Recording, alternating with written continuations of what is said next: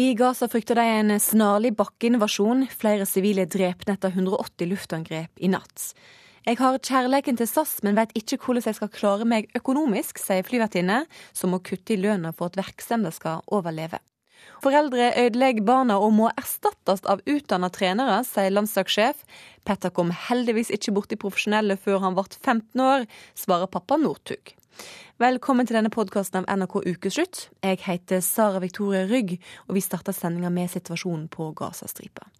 For israelske væpna styrker kommer trolig til å starte en bakkeinvasjon av Gazastripa i helga.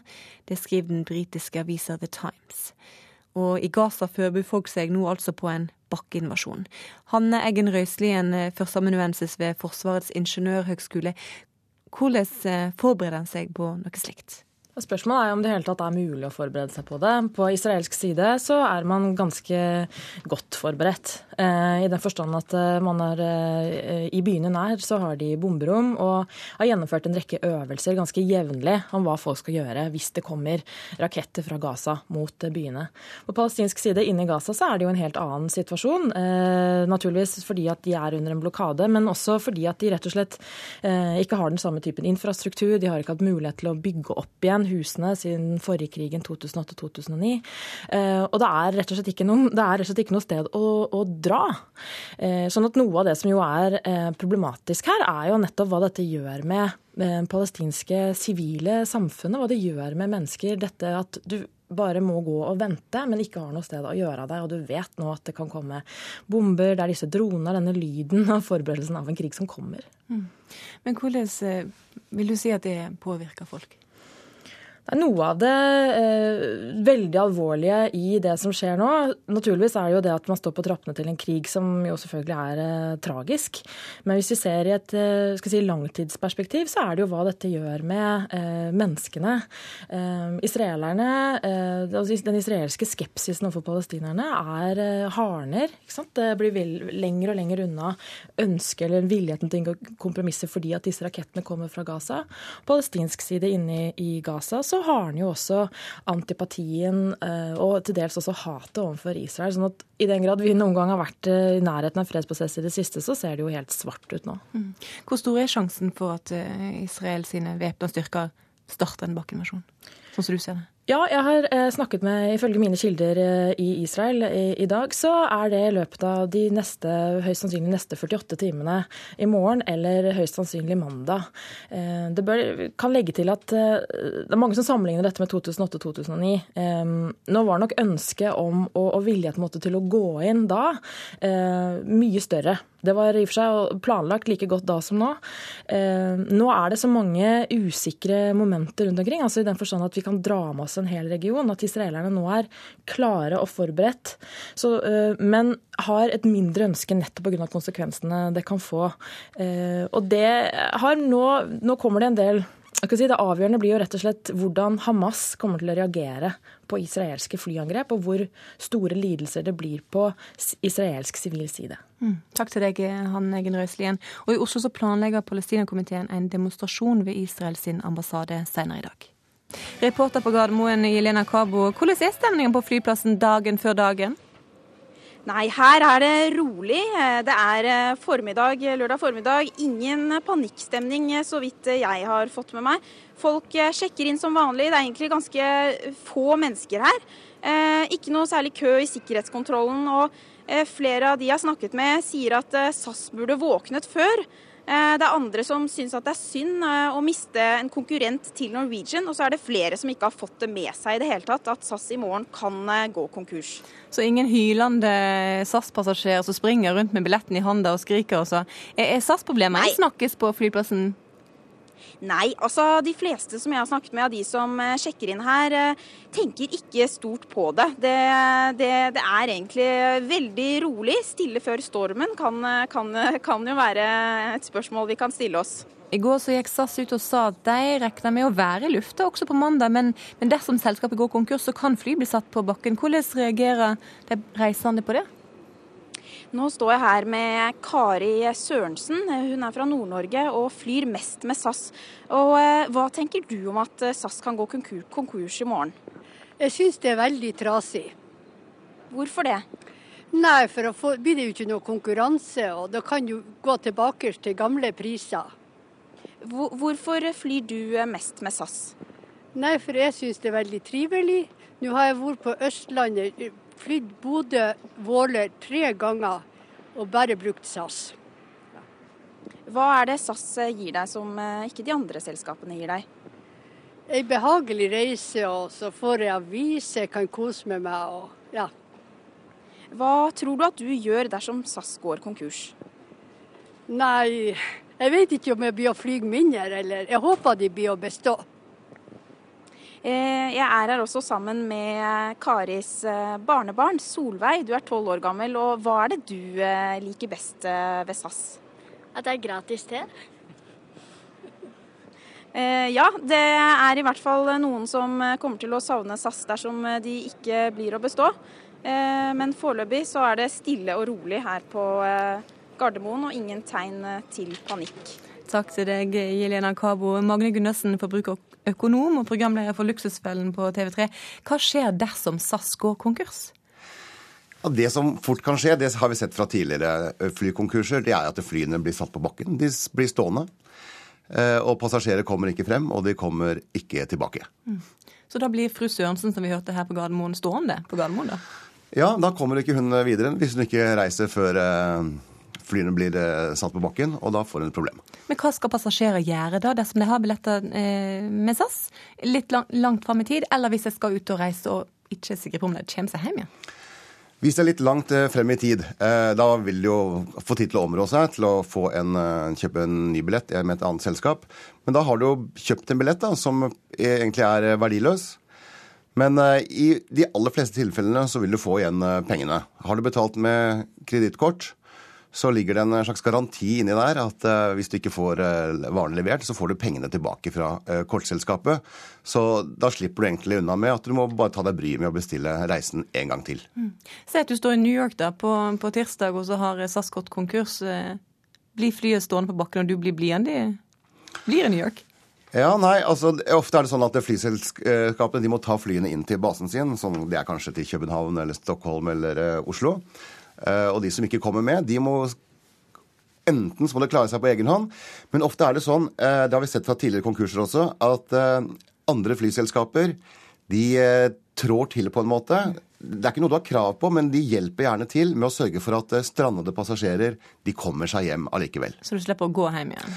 Det blir tøft hvis du er i New York, ja. Mm.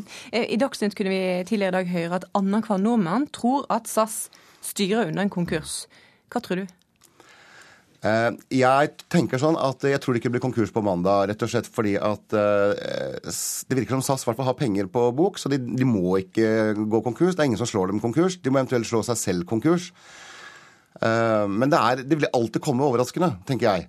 For du varsler jo ikke at du skal gå konkurs, for da slutter alle å handle billetter i samme øyeblikk du sier det. Så det blir en tøff uke fremover for SAS, enten det går konk eller ikke. Mm, vi får bare vente og se. Takk for at du kom til oss i Ukeslutt, eh, Magne Gundersen. Ja! Ta deg vesten, Kristian, før du gjør noe. Kristian, ta deg vesten. Er det OK at foreldre er fotballtrenere til lag sønnen eller dattera spiller på? Inntil et visst punkt, ja. Så er det jo ålreit. Og du hadde en her som ligna litt på deg som løp rundt? Ja, han ligner ikke på Det er sønnen min. han ligner på mora si. det er ikke sånn det er vanskelig å sette sønnen din på benken, da, f.eks.? Nei, det er det ikke. Altså, jeg, altså, den biten der sånn, det handler jo om å ha litt grann egenskaper som menneske, da. Altså det, det er å behandle barna. Det er jo ikke noe verre enn det. To breit! To breit! Det var breit! Hva med dere, da? Hvis pappaen deres hadde sagt at ja, nå vil jeg være fotballtrener for laget. Hva hadde dere sagt da? Kult. Det er litt kjipt. Litt kjipt? Jeg vet ikke likt det. Ikke likt det? Nei. Det kan være litt pinlig noen ganger. Det er litt spørs. Hvis de har litt forståelse, så er det greit. Det er kanskje greit hvis det er yngre folk, men når man begynner å komme, når man begynner å spille elver og begynner å bli bedre, så er det viktig med gode trener. Når er man for gammel til å ha pappa som trener? Når man begynner med elverfotball, kanskje. Min far har ikke vært trener. Heldigvis. Far var trening. Var han like flink som han dere har nå? Det er hakket mer seriøst nå, da. Foreldretrenere ødelegger barna og må erstattes av profesjonelle trenere. Det var beskjeden fra landslagstrener i ishockey Roy Johansen denne veka. Han mener at mange av mammaene og pappaene som trener barna sine der ute, er en katastrofe for norsk idrett. Jon Northug, du kan vel kalles en over middels engasjert foreldretrener. Du har trent og motivert sønnen din Petter Northug til uante høgder. Hvorfor er foreldretreneren så viktig, mener du? Eh, altså jeg mener det at eh, det er viktig å tilrettelegge for fysisk aktivitet i, i, i ung alder. og det, det, går veldig på å tilrettelegge eh, både heimen og, og, og, det som foregår utom på en sånn måte at det kan faktisk utøves fysisk aktivitet. og eh, Petter var, var jo, var jo 15-16 år før han kom kom borti profesjonell trener, eh, og da en meget dyktig trener. da. Men eh, oppveksten var, var rett og slett eh, mange aktiviteter etter eget ønske. Forsøk, forsøk, ja, forsøk veldig mange forskjellige idretter. Veldig mange aktiviteter fra trekkspill til skyting til ja, langrenn, fotball, alt i hop. Mm. Det var mange av oss som, som så eh, Petter Northug nå nettopp gå over ende på Beitostølen. Du tror ikke at hvis han hadde hatt en profesjonell trener for han var en liten pjokk, at han hadde unngått å dette? ja, nei da, Det vil jo alltid være sånn at uh, vi, vi, er jo ikke sikre på at vi har gjort alt rett. Det er ikke det jeg mener, men jeg, jeg mener faktisk det er helt ærlig at uh, han var heldig med at han vokste opp på en sånn måte at han uh, faktisk eh, drev eh, aktivitet etter eget eh, initiativ og prøvd mye forskjellig. Mm. Jeg tror at faren med at du engasjerer profesjonelle trenere, er at du blir dratt inn i en for snever, snever verden når det gjelder å utvikle deg fysisk. og dermed mister viktige basisferdigheter. Mm. Trener for landslaget i ishockey, Roy Johansen. Du har hista på deg en god del denne veka her. Eh, du, du, eh, går man inn i en for snever eh, verden dersom en begynner å profesjonalisere de her trenerne allerede fra guttepjokkene små på Lilleputt fotball? Altså jeg skjønner godt hva, hva Northug mener her. Og, og, og, Petter har vokst opp i et bra miljø. Det er ingen tvil om det og blitt en fantastisk utøver. Men det er ikke sånn i Idretts-Norge at alle har de mulighetene. Og det er ikke sånn at alle foreldre stiller opp. Det er eh, bare en myte. Det er ikke sånn at alle foreldre har penger til å betale eksterne trenere. Virkeligheten på grasrota er at det er foreldre som rekker opp hånda på foreldremøtet. Er det noen som kan trene laget? Er det noen som kan ta kasserjobben? Er det noen som kan være lagledere. Økonomien er trang. Det er pølsesalg, vaffelsalg, dunader osv. Så, videre, og så, så det er mange sider av norsk idrett. Det jeg har gjort, eller bevisst gjort her, er å prøve å sette eh, ta en debatt på, på barne- og ungdomsidretten om alt er så rosenrødt som vi ønsker å tro. Og jeg tror vi har forbedringspotensial på mange områder. Og trenerne er ett område hvor samfunnet sier at kompetanse skal vi ha i barnehagen, vi skal ha det på skolen, vi skal ha det i alle ledd. Men i barneidretten så er det ikke så farlig. Og så er det argumentet som kommer fra veldig mange nå, det er at foreldretrenere fungerer veldig bra. Ja, de gjør det. Mange foreldretrenere fungerer bra. Jeg er selv foreldretrener.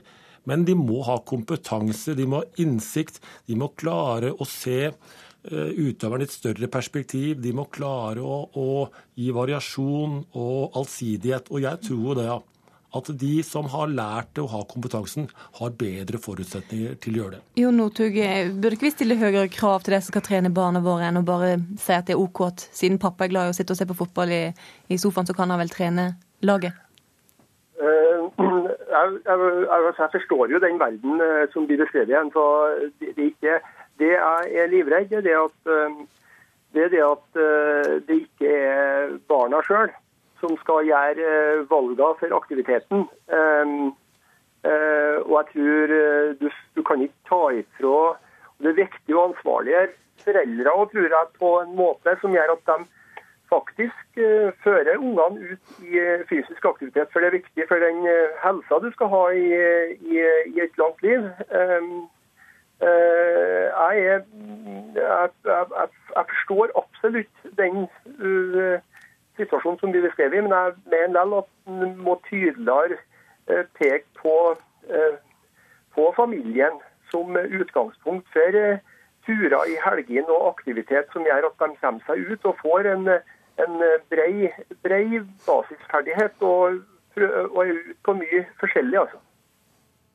Ja, Vi er jo helt enige om det. og Det er jo ikke det jeg har gått ut og satt fingeren på. Jeg mener jo at foreldrene skal engasjeres mye mer. Men det er ikke sånn at alle foreldre har verken mulighet eller tid til det. Så vi må ha en basis i bunn, som kanskje er kommunale trenere. Vi kan gi støtte til trenere i en del miljøer ikke, hvor foreldrene ikke engasjerer seg. Og vi kan erstatte de foreldrene som gjør det, fordi det ikke er noen andre som kan ta ta jobben. Men eh, Roy Hansen, eh, som jeg sa litt tidligere, du har hissa på deg en god del foreldre som, som, trener. Du er ikke redd for å få deg en uh, dugnadsvaffel rett i ansiktet når du, når du sier slike ting? Nei, Jeg tror de fleste ser nyansene her. Altså, skal denne saken her bli løfta fram, så kan ikke jeg si at vi trenger flere trenere med bedre kompetanse. Da hadde ikke jeg sittet her i ukeslutt. Så noen ganger så må du spissformulere for å mm. få debatten i gang. Og jeg tror veldig mange foreldre kjenner seg igjen i situasjonen, og gudskjelov og takk for det, så har vi noen foreldre med kompetanse. Og vi har engasjement, men vi trenger også litt hjelp fra det kommunale fra kommune og stat også, for det er mange som ikke har den muligheten. Du har virkelig fått debatten i gang. og Takk for at du kom til ukeslutt, Roy Johansen. Og takk også til deg, Jon Northug. Og lykke til med foreldretreninga til begge to. Du hører på en podkast av NRK Ukeslutt, og det må du bare holde fram med, for da får du høre at de vil gjerne danne regjering sammen, men hvor god er kjemien mellom Erna, Siv, Trine og Knut Arild? Det er sjelden jeg slipper til i diskusjoner, sier KrF-lederen. Og historien om Sahir, som er en av de mange fattige barna i Norge, og som ønsker seg regnjakke til jul, har rørt mange. Hør hvordan det gikk da Ukeslutt sine lyttere engasjerte seg. NRK prøvd flere ganger i det siste uten hell. Av en eller annen grunn så har ikke de borgerlige partilederne ville stille opp et felles foto i det siste. Et bilde sier mer enn tusen ord, sier professor Anders Todal Jensen. VG sin fotograf Helge Michaelsen tok et bilde før valget 2009 som skapte bråk i den borgerlige leiren. Bildet hadde rigga til for å ta inn i Eidsvoll-galleriet i Stortinget. Bakgrunnen var at det nærmet seg valg, og de hadde aldri stilt opp noen bilder sammen. Uh, gikk først til Sponheim, og han sa ja. Så sa Høybråten ja, og sa at Erna er min uh, statsministerkandidat. Og Erna var jo smørblid og stilte på dette bildet. Og så sa jeg til Erna at uh, det er du som skal være sjef her, så du, hvis vi får deg opp på bordet, så blir det jo morsomt. Og det var ikke nei i hennes munn. men det som toppet det litt, var at uh, en litt sånn småfurten Kai Hagen kom gående forbi når disse sto opplina og sa er det her jeg skal legge meg ned som en skjødehund foran den nye regjeringen, sa han. Og da ble det meget trykket stemning i Eidsvoll-galleriet. Men først, over en dobbeltside i landets største avis får ikke Siv Jensen være med. Og Jeg syns dette er en veldig trist situasjon, fordi vi burde stått sammen alle fire. Eh, og Sånn sett så ble det jo på en måte eh, en god illustrasjon på, på de samarbeidsrelasjonene en hadde og ikke hadde på det tidspunktet. Navnet mitt er Anders Todal Jensen. Jeg er professor i statsvitenskap på NTNU. Hvor vanskelig er det for deg i denne valgkampen å ri to hester samtidig?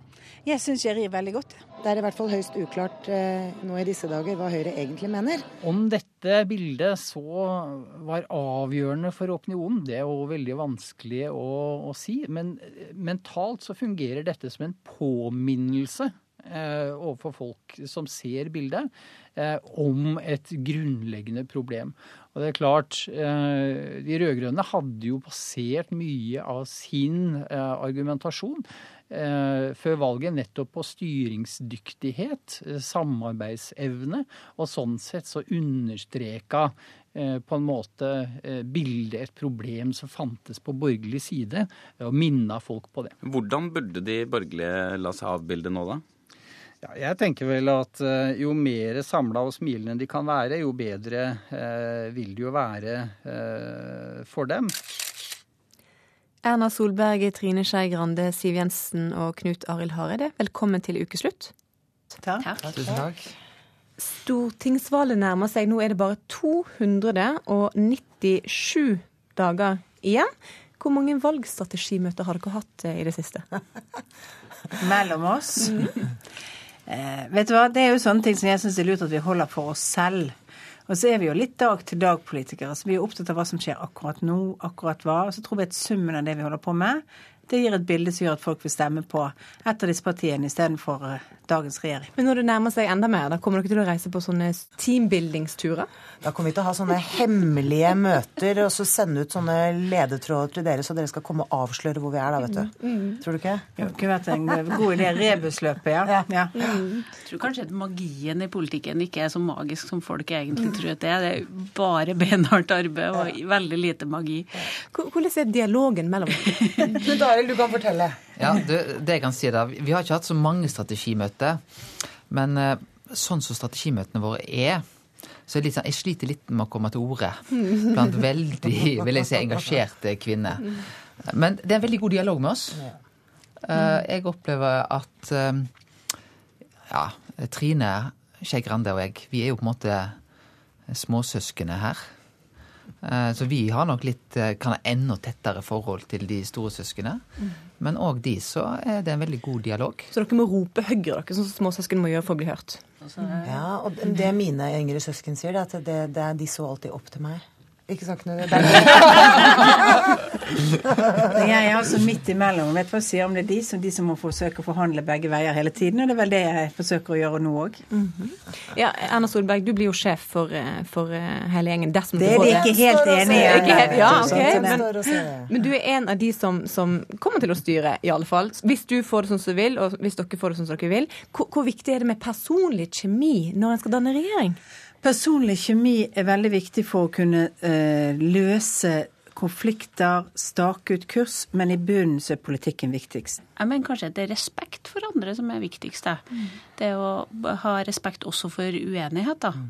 Hvis ikke så klarer man ikke å Hvis man later som at uenighetene ikke finnes, så kommer man absolutt ikke videre. Mm. Det er klart at sjøl jeg og Knut Arild har områder der vi ikke er enige, mm. men vi respekterer hverandres argumenter for å gjøre det. Og det er det som er grunnen for at du kanskje skal klare å bli enige om noe større. Siv Jensen, jeg, jeg leste en plass at du og Trine Skei Grande dere er skikkelig gode sånne venninner. Kan snakke om alt mulig, sa du. Ja, nå, nå har jo dette blitt fremstilt som vi nærmest har sånn vinslabberas annenhver kveld, og det er ikke helt sant. men Trine og jeg går ja. Ikke vær bekymret, Knut Arild. Men vi går langt tilbake sammen i politikken. Vi har sittet sammen i bystyret i Oslo. Vi har sånn sett kjent hverandre i mange år. Men altså, vi er jo ikke nære personlige venner. Det er det ingen av oss fire som er. Men jeg tror dette først og fremst handler om tillit.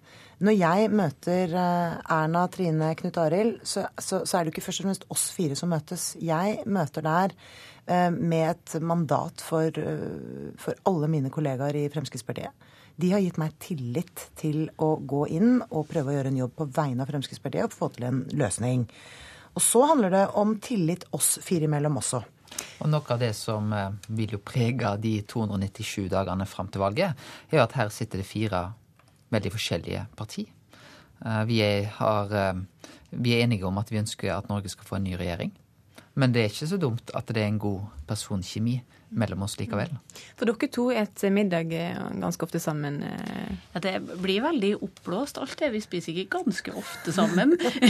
Jeg prøvde i går å få Knut Arild til å komme inn på kontoret og spise sushi, og da kom han og henta sushien og gikk. Så, så det, vi har det for travelt til at vi skal kunne liksom pleie noe sånn stor sosial omgang. Dere er fire forskjellige partier ganske uenige om mange ting. Denne veka la Frp og Høyre fram sine alternative statsbudsjett. Det er mange poenger der dere spriker ordentlig. Hvordan skal dere klare å sette dere ned, forhåpentligvis lenge nok i tomt at dere kanskje kan dele et uh, brett med sushi, og bestemme dere for hvordan dere skal ha, drive regjering? Men jeg tror fortsatt at vi er mer enige på mange ting nå enn det vi har vært tidligere. For det har skjedd en prosess i løpet av seks år, syv år i opposisjon, hvor faktisk på flere områder vi har Eh, kanskje filt vekk der hvor det er små forskjeller, og laget oss litt mer enige.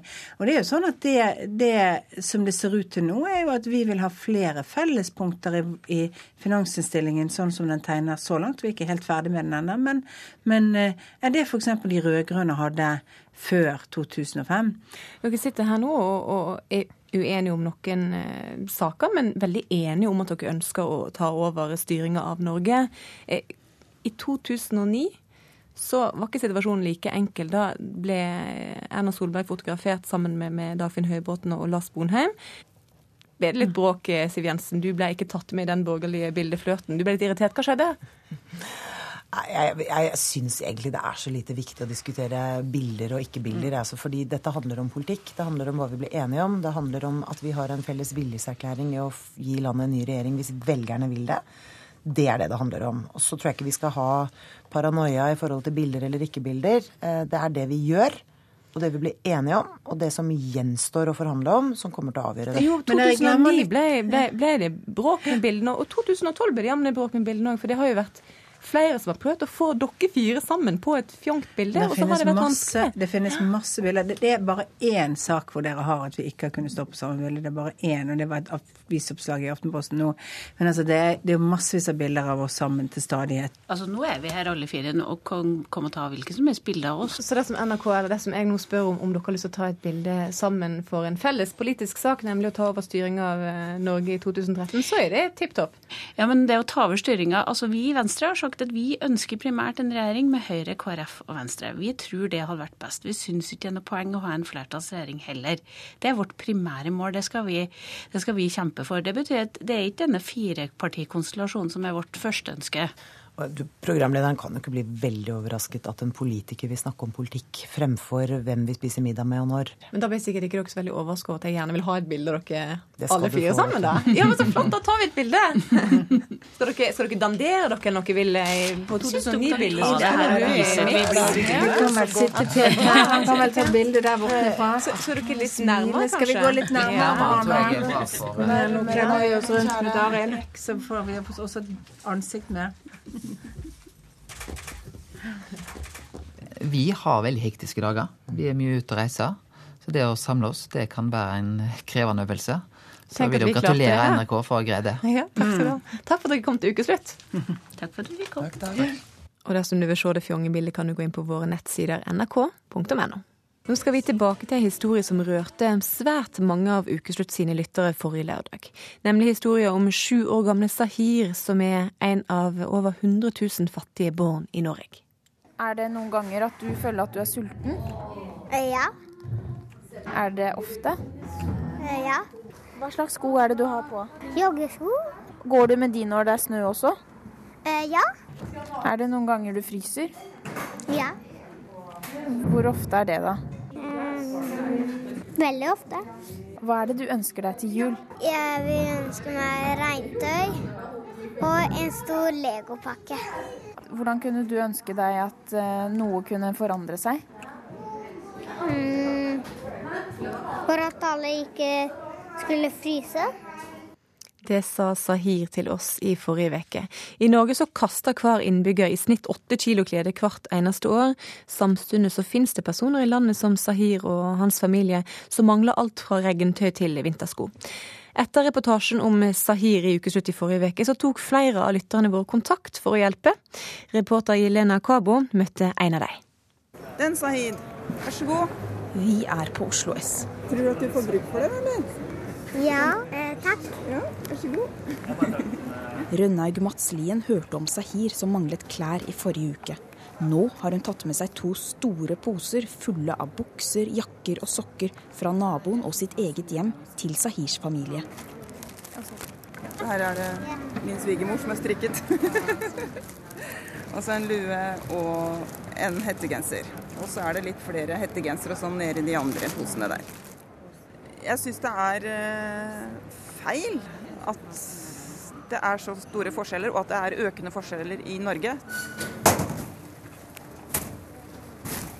16 tonn med tøy hver eneste dag. Daglig leder i Fretex Øst-Norge, Eivind Madsen, viser frem klesmottaket på Alnabru i Oslo. Her sånn ser du at det står um står det nå noen og lemper sekker, store sekker opp på et eh, transportbånd.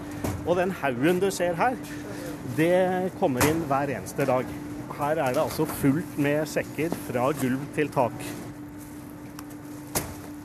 Her sorteres tonnevis med klær som vi, Norges befolkning, har kvittet oss med.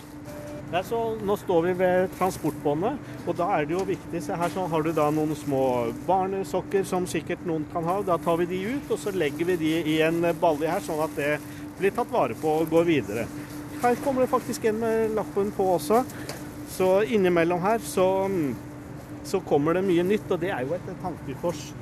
Ifølge Fretex har hver innbygger i Norge i snitt 11 kilo klær til overs i året. Tre av disse gis til gjenbruk, mens åtte kilo kastes i søpla.